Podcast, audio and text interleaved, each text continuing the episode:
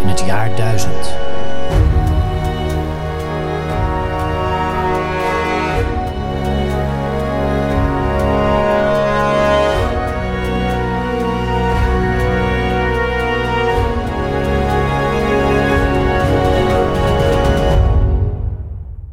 In het Rijksmuseum van Oudheden in Leiden is vanaf 13 oktober 2023 de tentoonstelling Het jaar 1000 te zien.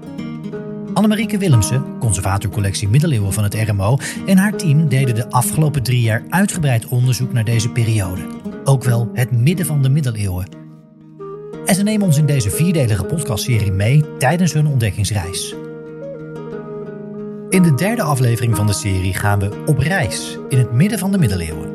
Van fysieke reizen tot reizen in je hoofd. Van pelgrimages tot de verspreiding van producten en ideeën. Reizen lijkt een belangrijk thema te zijn binnen het onderzoek en de tentoonstelling in het RMO. Annemarieke Willemsen vertelt waarom. De tentoonstelling is zelf ook eigenlijk een reis. Waarbij je eigenlijk begint met ja, een soort indruk krijgen van het landschap rond het jaar 1000 in het huidige Nederland. En hoe je daar doorheen kunt reizen, bijvoorbeeld per schip. En ook hoe mensen dat land eigenlijk begaanbaar hebben, of ja, meer begaanbaar hebben gemaakt dan het, dan het was. Dus hoeveel meer betreedbaar het grondgebied van Nederland is geworden. En ja, eigenlijk wat je daarvoor nodig hebt, is natuurlijk ook geld en de taal. En, en dan kun je eigenlijk al door Nederland best wel reizen en zien wat daar aan verschillende woonplaatsen, ook, maar ook burchten en ook nederzettingen waren, kloosters, eh, dat soort dingen. En uiteindelijk ga je dan als je dan ziet wat voor producten er terecht zijn gekomen in het toenmalige Nederland, met name in de context van die schatkamers en die reliekenhandel en het opwaarderen van heiligen en, en andere belangrijke personen, dan kom je uiteindelijk via dat soort, ja, toch wel VIPs, eigenlijk toch in, maak je kennis met dat Byzantijnse Rijk, wat dus al zoveel groter is dan het Heilig Roomse Rijk waar toen Nederland zelf behoorde. En ook met Rome, waar ze dan allemaal omheen moeten vanuit, uh, om gekroond te worden, om gewijd te worden, om relieken te vinden. En dan van daaruit zoom je dan eigenlijk, reis je dan eigenlijk vrij makkelijk door naar de rest van de wereld.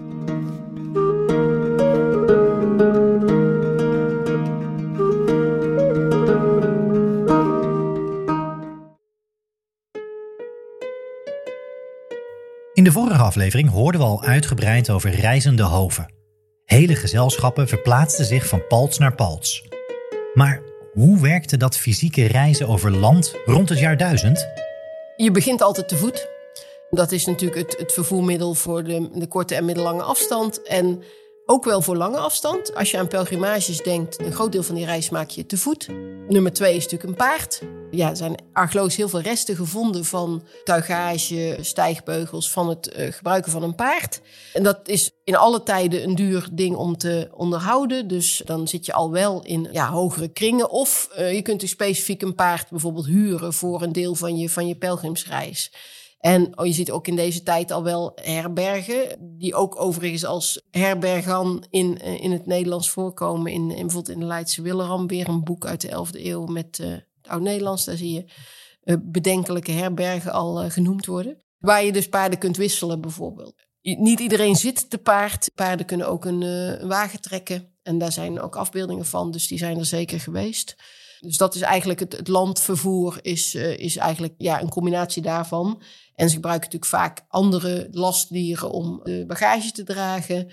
Dus een, een groepje pelgrims zal misschien één of twee paarden bij hebben gehad en een ezel of iets dergelijks met spullen. Of een paar ezels. En zelf voor een groot deel gelopen hebben. Maar niet alleen te voet, te paard of in een wagen kon men zich verplaatsen, ook reizen over water behoorde tot de mogelijkheden. Uit deze tijd zijn vrij veel schepen teruggevonden, met name juist in Nederland. En de grootste concentratie in Utrecht. En dat is niet toevallig, dat is natuurlijk toch wel een topbestemming binnen Nederland. En dan wordt natuurlijk dan het scheepshout van teruggevonden. En dat kun je heel goed dateren. Dus daarom weten we vaak heel precies hoe, oud die schepen zijn. En het bekendste is het Utrecht schip, wat opgesteld staat in het Centraal Museum in Utrecht, wat echt rond het jaar 1000 is uh, gebouwd. En er zijn verschillende soorten schepen. Dus je hebt kleine schepen, vaak soms zelfs die je kunt punten. Dus voor het voort kunt duwen met een boom. Om bijvoorbeeld dieren naar andere weides te brengen. Of, of mensen naar een nabijgelegen dorp.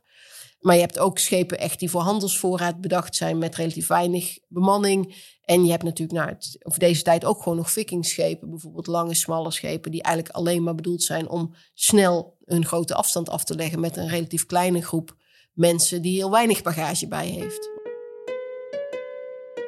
Reizen deed men uiteraard, net als nu, met verschillende redenen en doelen. Kleine reizen, vooral lokaal, maar zeker ook grote reizen over langere afstand.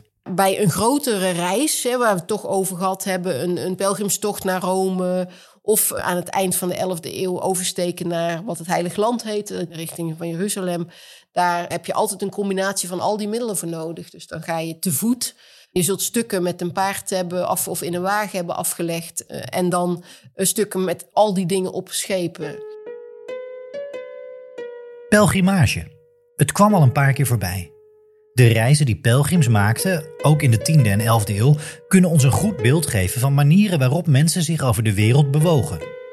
En laten we dat eens nader gaan bekijken. We maken kennis met Pleun van Lieshout. Mijn naam is Pleun van Lieshout. Ik ben projectmedewerker bij de collectie Middeleeuwen bij het Rijksmuseum van de Oudheden en Leiden.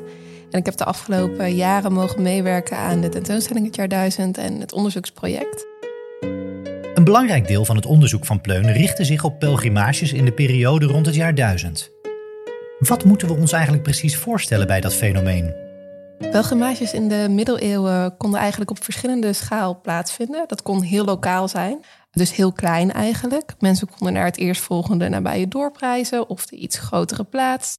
Denk aan belangrijke kerken in de buurt waar heiligen werden vereerd. In Nederland hebben we in deze tijd bijvoorbeeld eh, Utrecht en Maastricht. Dus dat konden, konden echt dagtochten zijn. Maar als je het hebt over pelgrimage op grote schaal, dan kon dat bijvoorbeeld Santiago, Rome, Jeruzalem zijn. Dat zijn toch wel de drie meest bekende, uh, grootste bedevaartplaatsen die wij kennen in de middeleeuwen. En voor de 10e en 11e eeuw kijken we dan specifiek naar Rome. Dat is ook waar ik mijn eigen onderzoek naar heb gedaan. Ook omdat we Rome toch eigenlijk wel als ultieme bestemming in deze tijd zien. Voor we op reis gaan is het interessant om te weten hoe je die reis eigenlijk onderzoekt. Welke bronnen zijn er om pelgrimage te onderzoeken? Voor dit fenomeen hebben we eigenlijk heel weinig schriftelijke bronnen. Het is dus echt een beetje een puzzel geweest om te kijken hoe vind je genoeg informatie om het beeld van pelgrimage in de 10e en 11e eeuw te kunnen vormen. We kijken dan naar archeologische bronnen, we kijken naar kunsthistorische bronnen. Denk aan schatkamers, aan manuscripten, aan fresco's, aan archeologie. Wat is er aan kerken, gebouwen? En verder proberen we zoveel mogelijk de schriftelijke bronnen mee te nemen. Wat daarbij heel erg waardevol is, zijn bijvoorbeeld reisverslagen die zijn geschreven door pelgrims. Dat is ontzettend interessant, omdat we dan kunnen lezen hoe pelgrims hun eigen ervaring eigenlijk hebben beleefd. En al deze kleine dingen, um, nou ja, verder schriftelijke bronnen, ik heb het nog niet genoemd, maar oorkondes, decreten, brieven. Al deze kleine dingen zijn eigenlijk puzzelstukjes om dit grotere fenomeen van pelgrimage in de 10e en 11e eeuw een beetje een beeld van te kunnen vormen. Dus dat is ook zeker iets wat, wat ik zelf heb gedaan. Ook wat je in de tentoonstelling en het onderzoeksproject terugziet. Dat het een hele interdisciplinaire en multidisciplinaire aanpak is geweest. Wat het ook zo ontzettend interessant maakt uiteindelijk. Er gingen dus veel mensen als pelgrim op reis. Maar wat was de reden om deze verre reis te ondernemen? Waarom gingen mensen op pelgrimage? Er zijn verschillende motieven waarom iemand op bedevaart wilde gaan en pelgrimage wilde ondernemen. Denk bijvoorbeeld aan devotie, maar ook boetedoening. Het kan bijvoorbeeld een soort straf zijn die werd opgelegd. De wens om genezen te worden van een ziekte, dus om een geneesmiddel te zoeken. Maar ook te bidden voor de eigen zielenheil of dat van uh, je medemensen. En uh, natuurlijk om de heiligdommen van heiligen en martelaren te bezoeken. Nou, voor Rome is het redelijk duidelijk waarom men daar naartoe wilde. Want daar waren natuurlijk de graven van de apostelen Petrus en Paulus, wat ontzettend belangrijk was. En niet alleen dat, maar er waren ontelbare andere heiligdommen die bezocht konden worden en graven van martelaren waar pelgrims naartoe konden gaan. Dus dit was echt een soort van samenkomst van alles wat een, waar een pelgrim eigenlijk van droomde. Dat kwam samen in Rome. Het was dus eigenlijk de ultieme bestemming. En men geloofde dan ook dat het bezoek aan deze heiligdommen absolutie van de zonde zou geven. En eigenlijk een soort van gegarandeerde toegang tot de hemel bracht. Goed, we gaan dus kijken naar een pelgrimstocht naar Rome. Waar beginnen we? Nou, de pelgrim kon de reis ondernemen te paard, te ezel of te voet. Er waren verschillende manieren. Pelgrims reisden vaak samen in groepen. Dit werd voornamelijk gedaan voor de veiligheid. En natuurlijk, het is belangrijk om in te denken dat deze reis maanden duurde. Het waren dus lange reizen. Pelgrims waren maanden op pad om naar Rome te gaan en eventueel weer terug. Is uit de bronnen eigenlijk bekend wie er op pelgrimsreis gingen? De 10e en 11e eeuwse pelgrim kon echt iedereen zijn. Van alle lagen van de samenleving gingen op bedevaart. Nogmaals, lokale bedevaarten waren wat makkelijker. Maar als we kijken naar, mensen die op bedevaart gingen naar Rome, dan was ook dit alle lagen van de samenleving. Iedereen met elke achtergrond ondernam een dergelijke zware tocht. Dat konden mensen van adel zijn. Kijk bijvoorbeeld naar voorbeelden die we hebben van Engelse en Deense koningen die op pelgrimage naar Rome gaan in de 10e en 11e eeuw. Maar het kon ook de normale man zijn of iemand met een kerkelijke, geestelijke functie. Ook bisschoppen konden pelgrims zijn. We hebben voorbeelden van de Utrechtse bisschoppen die de reis naar Rome ondernamen. Het is bekend dat tussen 900 en 1100 er in ieder geval drie bisschoppen waren die dit hebben gedaan. Van Willem van Gelre weten we bijvoorbeeld dat zijn naam als getuige is genoemd op een decreet. Dat is getekend in Rome in 1084. Dit is dus een schriftelijk bewijsstuk dat hij in Rome aanwezig was in dit jaar. En een pelgrim kon ook zeker een vrouw zijn.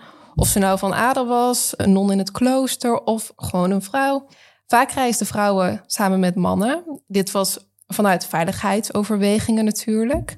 Een vrouw alleen op de weg, vooral voor zo lang, dat was ontzettend gevaarlijk. En we zien ook dat vaak vrouwen in groepen samen reisden, ook met elkaar. Dus een groep weduwen die dan gingen. We zien vaak dat weduwen gaan, dus in de laatste fase van hun leven, omdat zij niet meer de zorg droegen voor het gezin. De kinderen waren vaak groter, de man was overleden.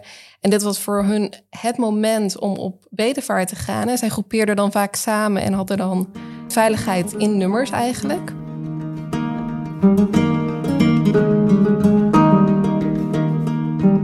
De lange reis naar Rome. Een reis vol gevaren. Waren de reizigers zich rond het jaar 1000 bewust van de risico's? Het was zeker niet zonder risico's. En we weten ook dat pelgrims zich bewust waren van deze risico's. Ze maakten ook regelingen voordat zij op reis gingen in het geval dat zij deze niet overleefden. Een document uh, bijvoorbeeld uit 951 vertelt ons over een man genaamd Ralf en zijn vrouw. En zij lieten vastleggen in geschrift wat er met hun eigendommen zou gebeuren mochten zij niet meer terugkomen van een bedevaart. Specifiek ook omdat zij naar Rome gingen. Zij wisten dat deze tocht ver was, lang en ontzettend gevaarlijk.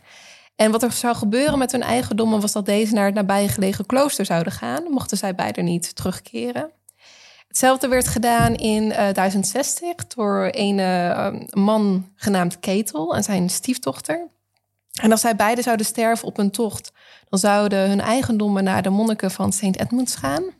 En mocht een van hun wel overleven, dan zou degene die overleefde natuurlijk alle eigendommen krijgen van degene die gestorven was op reis. Dus in dit, deze kleine voorbeelden zien we eigenlijk dat pelgrims zich wel zeker bewust waren van de gevaren van de reis, maar deze toch gingen ondernemen. Reizen betekent vandaag de dag in veel gevallen ook kosten. Vervoer, eten en drinken, overnachtingen en meer. In hoeverre speelde dat bij pelgrimages een rol? Een pelgrim zou dus eigenlijk zonder rijkdom de, deze heilige reis moeten maken. Afzien was daarbij onderdeel van de pelgrimage. Maar in theorie is het eigenlijk helemaal niet mogelijk. Je kan simpelweg niet een dergelijke lange, moeilijke en gevaarlijke reis maken zonder enige financiële mogelijkheden. Denk aan onderdak, denk aan eten. Er moest iets van geld zijn om te kunnen overleven. Een pelgrim moest dan ook vermogend genoeg zijn om in ieder geval de reis te financieren. En ook hier hebben we voorbeelden en documentatie van pelgrims die niet genoeg financiële middelen hadden voor de reis en om hulp moesten vragen. Zo uh, staat in een cartularium van een klooster dat een pelgrim tweemaal op pelgrimsreis wilde gaan. Dit cartularium stamt uit 1075. En deze pelgrim vroeg hier aan het klooster of dat hij alsjeblieft subsidie mocht hebben om naar Rome te gaan. En deze subsidie was dan in de vorm van geld en een paard. Natuurlijk ontzettend handig. Ook was het voor de echt armen wel mogelijk om naar Rome te gaan, omdat zij ook ingehuurd konden worden om deze bedevaart te ondernemen. Zij werden dan ingehuurd door de wat rijkere laag van de samenleving, die niet zelf de gevaren wilde trotseren, maar toch de voordelen wilde hebben van een bedevaart. Want wat zij deden, zij huurden dus anderen in om voor hun op bedevaart te gaan.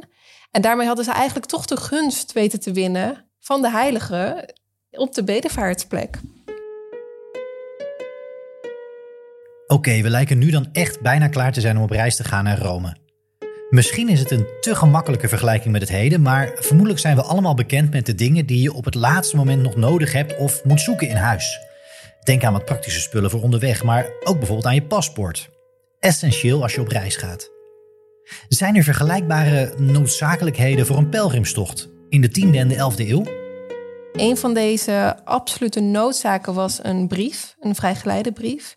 En dit was nodig voor elke pelgrim en kon verkregen worden bij de kerk vanaf waar de pelgrim wilde vertrekken. Dus vertrok een pelgrim vanaf Utrecht bijvoorbeeld, dan gingen zij deze brief ophalen in Utrecht en konden zij vervolgens naar Rome reizen. En deze brief identificeerde iemand als een pelgrim en gaf verschillende voordelen, zoals bescherming op de weg. De brieven werden al gebruikt voor de 10e en de 11e eeuw, al in de Carolingische periode, maar bleven ook zeker nodig in de 11e eeuw. Door de invoering van een verplichte brief kon men ook voorkomen dat er misbruik werd gemaakt van faciliteiten die speciaal voor pelgrims waren bedoeld, zoals onderdak onderweg. Zodat niet iedereen daar gebruik van kon maken, maar alleen de echte ware pelgrim op heilige reis. Die brief, die was dus essentieel. Maar was er meer? Het was dus niet alleen de vrijgeleide brief die nodig was, maar ook dingen zoals een staf. Deze was vaak lang en dun, had een haak aan het uiteinde waar een klein tasje aangehangen kon worden om alle benodigdheden in te bewaren. En al deze objecten die de pelgrim met zich meedroeg, zoals de staf, een leren tas, de brief, deze werden allemaal gezegend voordat hij vertrok. Deze werden gezegend door een priester. En deze ceremonie gaf de pelgrim de status van gezegende reiziger. Ook maakte de accessoires de pelgrim herkenbaar op weg. Dus dat was niet alleen praktisch, maar alweer ook voor extra veiligheid. We gaan op reis. Pleun praat ons bij over de voorbereiding, de afstand en de duur van de reis. De gevaren en de benodigde uitrusting. Maar wat komen we onderweg tegen op onze pelgrimsroute? Pelgrimages werden in de 10e en de 11e eeuw steeds populairder. Ook pelgrimages naar Rome. Dus de aanvoer van pelgrims vanuit het noorden van Europa was enorm groot. En dat groeide eigenlijk alleen maar. Dus wat we dan zien is dat op zo'n pelgrimsroute van Noord-Europa, of dat dat nou vanaf Noord-Frankrijk naar Italië ging of Noord-Duitsland, op de eigenlijk de populaire routes zien we steeds meer dingen oppoppen, zo gezegd. Dat kunnen kerken zijn, maar dat konden ook opvangplaatsen zijn voor pelgrims. Daarom zien we dat in deze eeuw eigenlijk steeds meer kerken op de route werden gesticht. Maar ook dingen zoals in de Alpen, waar een hospitaal werd gesticht voor pelgrims in 1046, de Sint, op de Sint-Bernardspas. Dit waren allemaal dingen om pelgrims eigenlijk tegemoet te komen op deze reis. En dat is zeker iets wat in deze eeuw opkomt en eigenlijk alleen maar groeide vanaf hier. En ook deze plekken werden eigenlijk alleen maar groter. Rome is in zicht. Wat deden pelgrims dan uiteindelijk in Rome zelf? Na deze lange gevaarlijke pelgrimstocht zijn we dan eindelijk aangekomen in Rome. En in Rome zelf gingen de pelgrims eigenlijk gelijk naar het gebied rondom de Sint-Pieter, de Borgo San Pietro. En in deze plek rondom de Sint-Pieter lagen verschillende scholai. En dit zijn eigenlijk compleet zelfstandige, op zichzelf staande instituties. Zij kwamen voort vanuit verschillende gebieden in Europa. Zo was er één voor de uh, Francorum, maar er was er ook eentje voor de Friezen. En uh, de scholai die hadden kerken, zij hadden pelgrimsverblijven, ze hadden begraafplaatsen, hospitals, dus waar zieken verzorgd konden worden. En zij hadden zelfs een eigen militaire defensie in dienst. Dit vond dus allemaal plaats rondom wat nu de Sint-Pieter is. De Civitas Leonia wordt dat ook wel genoemd. En het is eigenlijk een ommuurd gebied. Deze scholai waren dus echt plekken waar pelgrims verbleven tijdens hun verblijf in Rome. En vanuit deze uitvalsbasis konden zij eigenlijk de rest van de stad als het ware ontdekken en verder bezoeken. En de enorme aanvoer van pelgrims zorgde ervoor dat dit gebied in de stad volledig gewijd was, ook aan het huisvesten van pelgrims. De porticus was volledig gevuld met marktkramen en winkels en het was allemaal speciaal bedoeld waar pelgrims eten en andere benodigdheden konden vinden. En zelfs tot in het midden van de 11e eeuw was het niet toegestaan voor pelgrims om buiten dit gebied te treden. Natuurlijk, ze mochten wel hier en daar de kerk in Rome bezoeken, maar het was zeker niet de bedoeling dat zij verbleven in de rest van de stad. En er werd zelfs een pauselijk decreet uh, opgesteld door Leo XI hiervoor. Over het verblijf in Rome lopen de bronnen uiteen. Pelgrims bleven er kortere of langere tijd, maar in sommige gevallen stierven pelgrims ook in Rome. En die pelgrims bleven er in feite voor de eeuwigheid. Over de terugreis van pelgrims is niet heel veel bekend. Wel neemt Pleun ons graag nog mee in een interessant fenomeen: het meenemen van souvenirs. Interessant is dat we in dit stadium ook naar concrete voorbeelden van materiële cultuur kunnen kijken in relatie met pelgrimage. Pelgrims namen namelijk souvenirs uit Rome mee. Wellicht niet echt een verrassing. Wij zouden dat namelijk ook doen als we ergens op vakantie gaan. Dan vinden wij het ook leuk om een klein souvenirtje mee te nemen. Om, ons te herinneren aan een, een tocht die wij hebben gemaakt. Aan een mooie herinnering. Uit latere periodes kennen we de welbekende pelgrimsinsignes en ampullen. Maar voor de 10e en 11e eeuw is dit toch nog niet iets wat erg populair blijkt te zijn. Maar als we het hebben over souvenirs, kunnen we natuurlijk ook kijken naar wat exclusievere categorieën. En dat zijn namelijk de relieken. Want wat we wel zien in deze tijd is dat er ontzettend veel relieken vanuit Rome naar onder andere Nederland zijn gekomen om hier in kerken te bewaren. Een kerk kon namelijk pas gewijd worden als er een reliek aanwezig was. En Rome had zeker geen tekort aan deze relieken. Er waren ontelbare graven van martelaren, heiligen, en allerlei stukjes relieken, lichaamsdelen, um, stukjes van het kruis, van kleding. Dingen die heilig hadden aangeraakt of dingen van een graf die gebruikt konden worden als reliek en ook mee konden worden genomen naar huis. Relieken om uit Rome mee te nemen naar huis. Assistent-conservator Rafael Rijntjes praat ons bij over de waarde van relieken voor kerken. Relieken waren voor een kerk, of beter gezegd voor een kerkelijke gemeenschap, voor een klooster of een, of een, een eh, kapittel, een kathedraal, eigenlijk van levensbelang. Dat wil zeggen, als je een eh, stukje had van een reliek had van een aantrekkelijke heilige, dat betekende dat mensen die naar je toe komen, pelgrims die naar je toe komen en dus inkomsten. Het is niet voor niks dat, dat heel veel van die prachtige kerken in, eh, in Frankrijk dat het pelgrimskerken zijn, want die hadden echt veel inkomsten om, om, om vrij snel een, een kerk te bouwen. En dat verklaart ook bijvoorbeeld waarom de Dom van Utrecht, ja, er zit een beetje na, na, de, na, de, na jaar duizend, maar het is hetzelfde fenomeen. Waarom er zo ontzettend lang over gebouwd is. Omdat ja, ze hadden geen aantrekkelijke heiligen. Die lagen elders. Willibord die lag in uh, Echternach. Bonifatius is in Fulda terechtgekomen. Dus ze moesten het doen met soms zelfs gepachte heiligen om maar een beetje inkomsten te krijgen. Dus de aanwezigheid van een heilige, de werkzaamheid van een heilige, ja, is, is vaak een kwestie van leven of dood voor een gemeenschap. Er zijn ook, ook kloosters verdwenen of, of zeg maar in, in de vergetelheid geraakt, omdat de heilige, ja, omdat hij on, onecht bleek, of dat hij toch ergens anders bleek te liggen. mooi voorbeeld vind ik altijd een Vezeledi-kerk, waar men lang heeft, een verhaal heeft verteld dat daar echt Maria Magdalene lag, totdat het verhaal doorgeprikt werd. En daarna zakte de pelgrimage daarna ook in. Dus dan is zo'n kerk ook opeens zijn bron van inkomsten, om, inkomsten kwijt. Um, dat geldt dus voor de, voor de 10e en 11e eeuw ook. Precies hetzelfde. Er wordt ja, eindeloos gesmeekt, geruild, gebedeld om heiligen. Er wordt gestolen. Heilige diefstal wordt het dan genoemd. Want vaak heb je dan daarna dat er in het, in het verhaal wordt, wordt geschreven een, uh, een visioen is waarom de heilige daadwerkelijk te kennen geeft dat hij inderdaad ook liever op die nieuwe plek is. Dat, een beetje het sanctioneert, het goedkeurt wat er allemaal gebeurd is. Maar dat is een, een, een, levendige toestand hoe dat met die heilige gaat. En die, uh, ja, die heb je echt nodig. Het is een kwestie van uh, nou, ja, leven en dood misschien, maar wel van voorspoed of tegenspoed in het bestaan van zo'n gemeenschap. En ook voor, voor een kathedraal geldt dat, geldt dat des te meer. Relieken waren en zijn dus van levensbelang voor het stichten van kerken en kloosters. Op welke plekken werden die belangrijke, kostbare objecten bewaard en getoond in kerken rond het jaar 1000? In die architectuur van de 10e en 11e eeuw zijn er verschillende plekken waar de meest kostbare spullen werden opgeslagen. Voor kerkgebouwen is dat deels in de crypten, want daar werden de, de mooiste relieken opgesteld. Als een kerk een crypte had, tenminste. Eh, dat is wel de, de meest geëigende plek waar de reliekschrijnen werden opgesteld. En zo'n crypte fungeerde ook als een, uh, ja, een handige route voor de pelgrims om, zonder dat je de, de koordienst stoort. De ene kant komen die crypten in, je kunt de relieken bezoeken. Aan de andere kant kun je de crypte weer uit. Ook dat kun je trouwens in de Pieterskerk in Utrecht heel mooi, uh, mooi zien.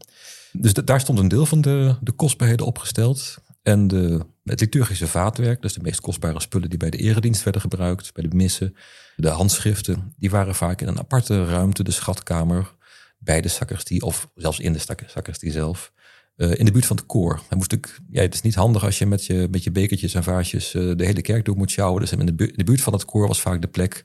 Soms ook hoog gelegen, makkelijk afsluiten. Je de trap goed kon afsluiten uh, van buiten, dat je niet zomaar naar binnen kon klauteren. Waar dan de, de echte schat van de kerk stond opgesteld.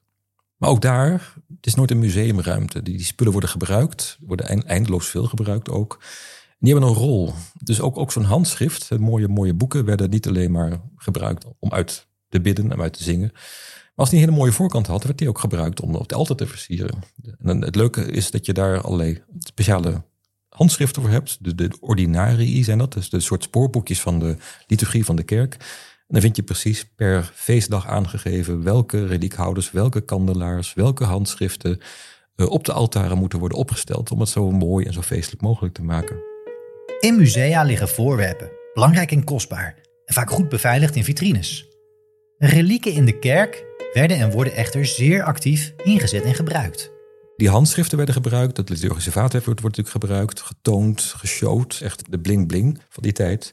Maar ook de relieken worden heel actief ingezet. Dat zijn niet zomaar plaatsen die alleen maar in de kerk zelf een rol hebben, maar die worden ook gebruikt. Het mooiste voorbeeld is, denk nog aan de, aan de noodkist van Sint-Servaas in Maastricht, wat geen ja, het, is een, het is geen noodkist in de zin van het is snel getimmerd om hem in, te leggen. Nee, het is een prachtige kist, maar wordt gebruikt in tijd van nood. Dan wordt die rondgesjouwd. Als, als de pest heerst, als er een ziekte was, dan werd die kist rondgedragen om de, de hulp van de, van de heilige te vragen. Je vergelijkt het altijd, en dat geeft het, het idee van de, de inzet van heiligen wel mooi weer. Mijn vader die zette het Maria-beeld altijd buiten als het te lang regende naar zijn zin. En het, zo, zo wordt dus de Maria gevraagd, nou in dit geval een beetje gechanteerd, zou je kunnen zeggen, om, om in te springen. Om voorspraak voor, uh, voor iets wat je heel graag wil. Nou, zo, zo functioneren die relieken ook. En, en worden eden bijvoorbeeld, als, als er een eed moet worden gezworen in de middeleeuwen, gebeurt dat ook bijna altijd op een altaar of op een reliekschrijn. En een van de mooiste daar, voorbeelden daarvan, die kun je vinden op het uh, tapijt van Bayeux uit de 11e eeuw. Waar Harold een uh, eed van trouw zweert op met zijn handen op twee reliekschrijnen. En die zijn dan echt duidelijk ook uit de kerk gehaald, opgesteld in een openbare ruimte. En figuren hebben daar een rol. Die, hebben daar een, uh, ja, die moeten wat doen, die heiligen. Ook machthebbers met hun rondreizende hoven beschikten over kostbare voorwerpen. Waaronder ook relieken. Ook bij zo'n pals hoort een, een, hele ja, rondreizende schatkamer. Want die keizer had ook van alles bij zich. De, de, de voorwerpen die horen bij zijn keizerschap. Maar ook relieken werden meegenomen. En opgesteld in de, in de plekken waar die rondreisde. Dus ook daar moesten steeds voorzieningen voor zijn. Dat kon niet zomaar ergens in, zo'n, in, de, de ruimte, in de zaal worden neergezet. Dus dat werd speciaal in de kapel ook weer goed afsluitbaar bewaard en meegenomen steeds. Na de pelgrimstocht naar Rome en de schatkamers in kerken en paltsen keren we terug naar het centrale thema van deze aflevering: reizen. Mensen verplaatsen zich. Maar met mensen wordt er veel meer verplaatst dan alleen die mensen zelf. Annemarieke Willemsen ligt dat toe. Eigenlijk is dat bij alle reizen die je maakt, of je nou naar het buurdorp gaat of naar een, een ander land of helemaal naar Rome of nog verder, is uh, je verplaatst jezelf, maar daarmee verplaats je ook andere mensen, dieren, producten, mode, taal, cultuur, geloof. Dat gaat eigenlijk langs al die routes mee. Het is bijna ondenkbaar. Naar Burgdorp, waarschijnlijk zeiden ze dingen al net iets anders. Dat is natuurlijk, was honderd jaar geleden ook nog zo. Ik weet bijvoorbeeld dat twee plaatsen in Limburg kan de carnavalstraditie volstrekt verschillend zijn. Dus dat soort dingen is, is echt ook wel van deze tijd geweest. Dat je dat meenam, uh, bewust en onbewust. En uh, zo'n Byzantijnse prinses Theofanou bij haar aankomst in Rome om de, haar toekomstige huwelijkspartner Otto II te ontmoeten, zal er heel anders uitgezien hebben dan uh, hij. Met reizen verplaatsen mensen zich. En met mensen verplaatst zich nog veel meer over de wereld. Op kleine en grote schaal. Bij al die verplaatsingen staat de mens dus nadrukkelijk centraal. Bij producten, bij, bij levensmiddelen, bij, bij stoffen, bij boeken is het denk ik altijd goed te realiseren dat die zichzelf niet verplaatsen. Want archeologen praten vaak zo. Hè? Die zeggen van het aardewerk is uit Brunsum Schinnenveld over heel Nederland verspreid. Of, of verspreidt zich over heel Nederland. Of is ver, ver, verhuisd van A naar B. Maar dat, dat moeten mensen doen. Dus alle verplaatsingen die je kunt afmeten aan waar producten, waar objecten, waar voorwerpen, waar goederen zijn gemaakt en waar ze terecht zijn gekomen, al die afstand is door een netwerk van mensen afgelegd. Dat maakt het interessanter in mijn ogen dat stenen, edelstenen uit Afghanistan of goud uit Afrika in Duitsland van dat moment verwerkt kunnen worden, omdat die dingen zelf niet heen, daarheen zijn gezwommen. Die zijn door een netwerk van mensen verplaatst over die hele wereld. En het is ondenkbaar dat met die netwerken alleen objecten zijn verplaatst. Die mensen hebben ook op die manier heeft ook kennis, cultuur, taal, muziek zich verspreid. En hebben mensen daar kennis mee gemaakt. Een zijstap nu. Annemarieke noemde als voorbeeld dat onder andere muziek zich verspreidde. Ook in de 10e en 11e eeuw. Met Rafael Rijntjes bekijken we dat nader. Met bijzondere aandacht voor een revolutionaire ontwikkeling van Guido van Arezzo. Veel muziek ging rond in die tijd. Er is ook een leuke tekst dat ik geloof een of andere bisschop zegt van ja, die, die heeft, noemt ook een, een deuntje die gek wordt, want dat is echt zo'n oorworm, die blijft in zijn oren hangen. Dat is helemaal geen geestelijk lied. Dat is iets wat hij, als hij, als door een dorp loopt, wat hij uit, die uit de herbergen hoort komen. Dus je kunt je voorstellen dat net als nu bepaalde tunes, bepaalde liedjes gewoon rondgingen, eindeloos gezongen werden, werden nieuwe teksten opgemaakt. En waren dan een tijdje heel erg populair, werden vaak gekopieerd. Mensen leerden dat ook en zo ging dat, ging dat rond. Het is bijzonder als je die teksten dan ook opschrijft. Dat gebeurde ook nog niet altijd. waarschijnlijk zijn er gewoon allerlei zangers geweest die rondreisden en die tekst op die manier en die melodie op die manier hebben, hebben verspreid. Diezelfde manier, dat, dat zeg maar, uit je hoofd, voorzingen, uit je hoofd leren, dat gebeurde ook in kloosters. Dus er werd eindeloos veel tijd besteed aan het uit je hoofd leren van die geestelijke gezangen.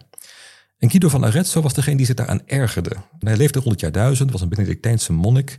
Weet eigenlijk niet eens zo heel veel van hem. Daarom is er ook vrij veel, nou, hoe zeg je het, onzin. Er zijn vrij veel, veel wat theorieën over hem dat hij in Frankrijk zou hebben gezeten. Maar dat, dat klopt allemaal niet. Er zijn eigenlijk maar twee eigentijdse brieven van hem bewaard gebleven. En die zijn vrij uitgebreid, waardoor we ja, de belangrijkste dingen eh, over zijn leven wel weten.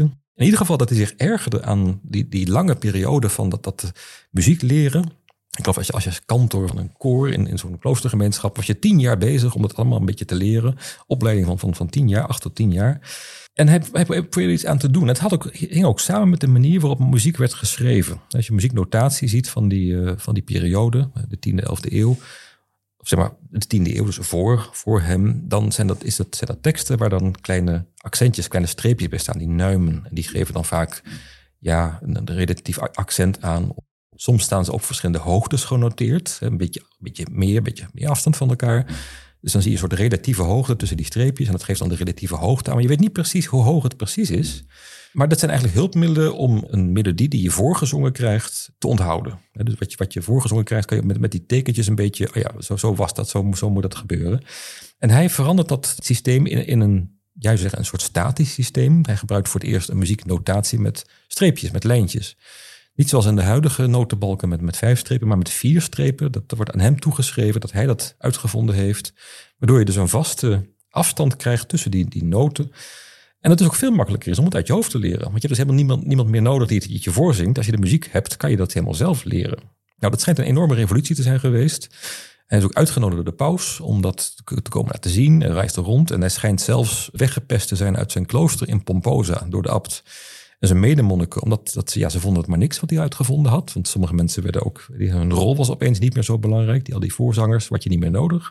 Dus het schijnt een behoorlijke revolutie te zijn geweest. Hij heeft er traktaten over geschreven, is veel gekopieerd. Dus dat ging ook heel snel rond. Dat het allemaal veel korter kon, allemaal veel makkelijker kon.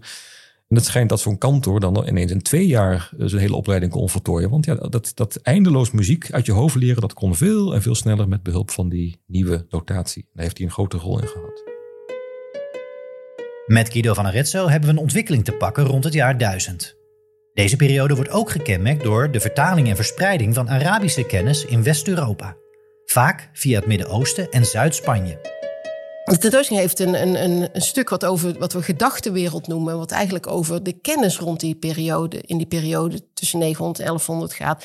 En daar zitten enorme verschuivingen, want dit is een periode dat de kennis uit de Arabische wereld in het Westen terechtkomt. En dat gaat over kennis over planten, die voor medicijnen wordt gebruikt, dus voor geneeskunst. Maar ook over wiskunde en sterrenkunde. En bijvoorbeeld het schaakspel komt in deze periode binnen. En er zijn heel veel dingen die eigenlijk rond het jaar duizend voor het eerst in onze streken beschikbaar zijn, beschikbaar komen.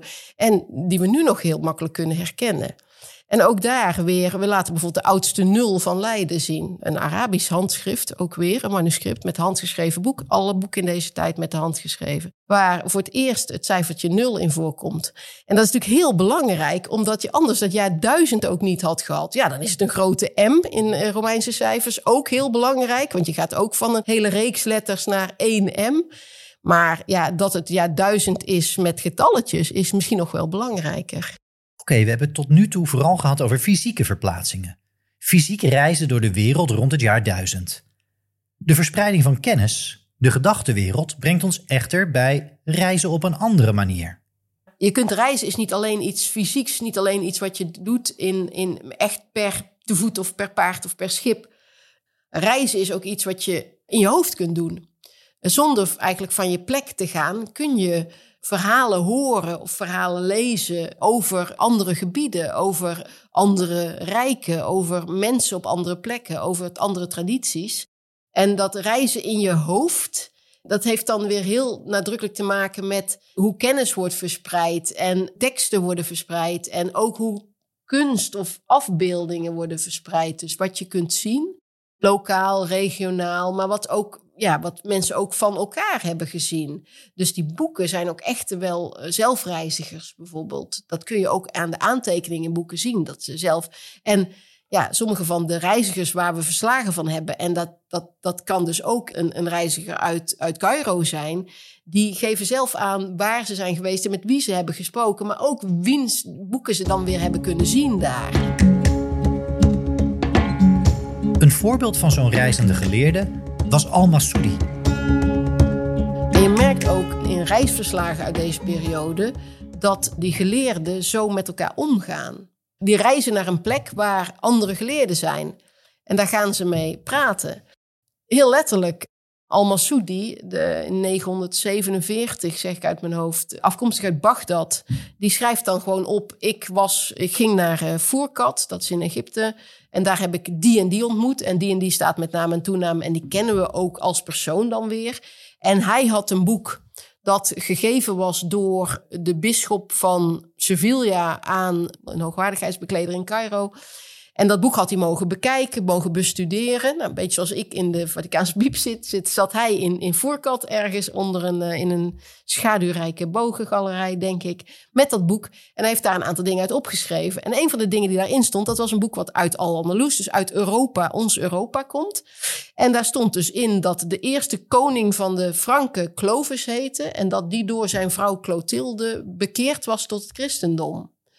Dat is dus iets wat een Arabische reiziger via Al-Andalus in een boek in uh, Egypte zit te lezen en interessant vindt. En het klopt precies, hè? Dus het is geschiedenis van Europa die precies klopt. En dat vindt hij interessant en dat schrijft hij op en geeft hij in zijn eigen reisverslag weer door. En wat hij ook doet, is hij geeft al, Al-Masoudi geeft alle dateringen in zowel de christelijke jaartelling als de islamitische jaartelling. Dus hij denkt aan zijn publiek, zeg maar ik, ik vind het heel leuk dat ze op die manier dus hij geeft aan wie die ontmoet en wat die hadden en hoe ze eraan kwamen en wat hij daar weer uit heeft geleerd. En dat geeft hij via, zijn eigen reisverslag dan weer door. Wat leuk is van Al Masoudi is trouwens ook dat hij uh, in zijn voorwoord zegt dat hij de hele wereld over heeft gereisd en overal geleerden en koningen heeft ontmoet. Maar dat uh, naar zijn mening er nergens meer op zo hoog niveau kennis wordt bedreven als vroeger. En dat er steeds meer mensen toch tevreden zijn met een mening die ze van iemand gehoord hebben of ergens hebben gelezen en niet zelf op onderzoek zijn uitgegaan. Dus alles was vroeger al beter, ook in 947. Met reizen verplaatsen mensen zich. Met mensen verplaatsen ideeën, taal, muziek, producten, boeken en nog veel meer zich. Het begrip netwerken kwam al meerdere keren voorbij tijdens deze aflevering. Ter afronding van onze reis naar het jaar 1000 in deze aflevering neemt Annemarieke ons mee in die netwerken. Lokaal en over grote afstand. We weten ook van die kloosternetwerken dat dat nadrukkelijk netwerken zijn waarin boeken worden meegenomen naar een ander klooster bijvoorbeeld. En daar weer worden overgeschreven. En dan kan de ene weer terug en de, en de nieuwe kan weer verder. En zo spreidt zich. Dat zijn echte netwerken. Maar daarmee wordt reizen op een bepaalde manier ook minder. Uh, is niet alleen iets wat je zelf kunt doen, want daar moet je altijd middelen voor hebben of een reden überhaupt. En dat heeft niet iedereen nog het een, nog het ander. Maar dat maakt het wel bereikbaarder ook voor heel veel mensen. Want er hoeft maar één zo'n reiziger of één iemand die zo'n boek gelezen heeft, dat weer te vertellen. En we kunnen wel zien dat op die manier kennis of misschien zelfs anekdotes of wetenswaardigheden over de rest van de wereld bij gewone mensen terecht zijn gekomen. Daar hoef jij niet per se dat boek voor te hebben of te lezen, maar iemand kan het jou ook weer vertellen. En netwerken van verhalen is moeilijk in kaart te brengen, maar is wel van alle tijden ontzettend belangrijk geweest. En dat, wordt, hè, dat, gaat met die, met die afstanden mee. Dus naar het volgende dorp is de roddel over wie er nou weer met wie verkering heeft gehad, heeft sinds de vorige kermis heel interessant. Maar op, op, op grotere schaal is misschien interessanter dat er, dat er weer oorlog is tussen de, de graaf van Holland en de bisschop van Utrecht. En verder uitgezoomd is het heel interessant dat de, de keizer van het Heilige Roomse Rijk met een Byzantijnse prinses is getrouwd. En op nog grotere afstand is het heel interessant dat ze in het oosten, verder weg over de zee, blijkbaar een ander systeem van getalletjes hebben, waarmee je want dat is wat de eh, Arabische cijfers doen. Je ingewikkelde vergelijkingen kunt maken. Dat kun je namelijk niet met Romeinse cijfers. Dus de eerstegene die een de nul gebruikt in een vergelijking, daar heet ons woord algoritme nog naar.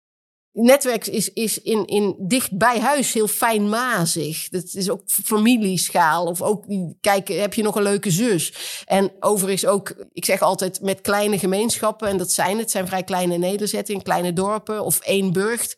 Dan heb je ook kermis en zo nodig om intilt in je vee bijvoorbeeld te voorkomen. Dus dan moet je gewoon bewust een paardenmarkt hebben. Niet alleen omdat je een paard moet kunnen kopen ergens, maar ook omdat je niet altijd dezelfde. Nou ja, goed duidelijk. Dat is belangrijk. Maar als zo'n schip aankomt, brengt het dan weer andere verhalen mee. Andere wetenswaardigheden. En daar acuut mee gaat de taal. Want dat, oké, wat is dit voor een ding? Uh, hoe noemen ze dat? Zo beïnvloedt dus de handel ook de taal weer en zo. Nou goed, op, op die manier kun je steeds uitzoomen. En dan is natuurlijk het helemaal niet gezegd dat dan zal iemand in het huidige Nederland niet één op één contact, zeker geen contact hebben gehad één op één met iemand uit Groot-Zimbabwe. En misschien niet geweten hebben dat het daar is. Maar als je het netwerk reconstrueert, snap je wel waarom Nederlanders wel wist dat er olifanten bestonden. Of waarom de waarde van goud over de hele wereld zo herkenbaar en eenvormig is. En je een, een, een sieraad zoals de gouden oorhangers in de Schat van Hoogwoud, die heel nadrukkelijk een soort van Byzantijnse en Heilig-Roomse rijkige en Scandinavische ding met elkaar verweven. Waarom de status daarvan, als je dat draagt, in al die gebieden over die hele wijde connected world zal zijn begrepen. En ook waarom iedereen kon zien dat Theofanou een prinses was uit een ander gebied. Met een paar rare dingen misschien, maar ook wel met, zeker met indrukwekkende dingen. Waarvan iedereen begrepen zal hebben dat die van ver kwamen.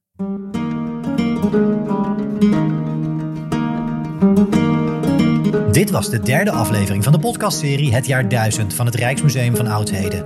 Horend bij de gelijknamige tentoonstelling in Leiden, die van 13 oktober 2023 tot en met 17 maart 2024 te zien is. Abonneer je op de podcast daar waar jij podcast luistert en mis ook de volgende afleveringen niet. Een waardering en review stellen we uiteraard zeer op prijs. Kijk voor meer informatie over de tentoonstelling of over deze en andere podcastseries van het Rijksmuseum van Oudheden op www.rmo.nl. Música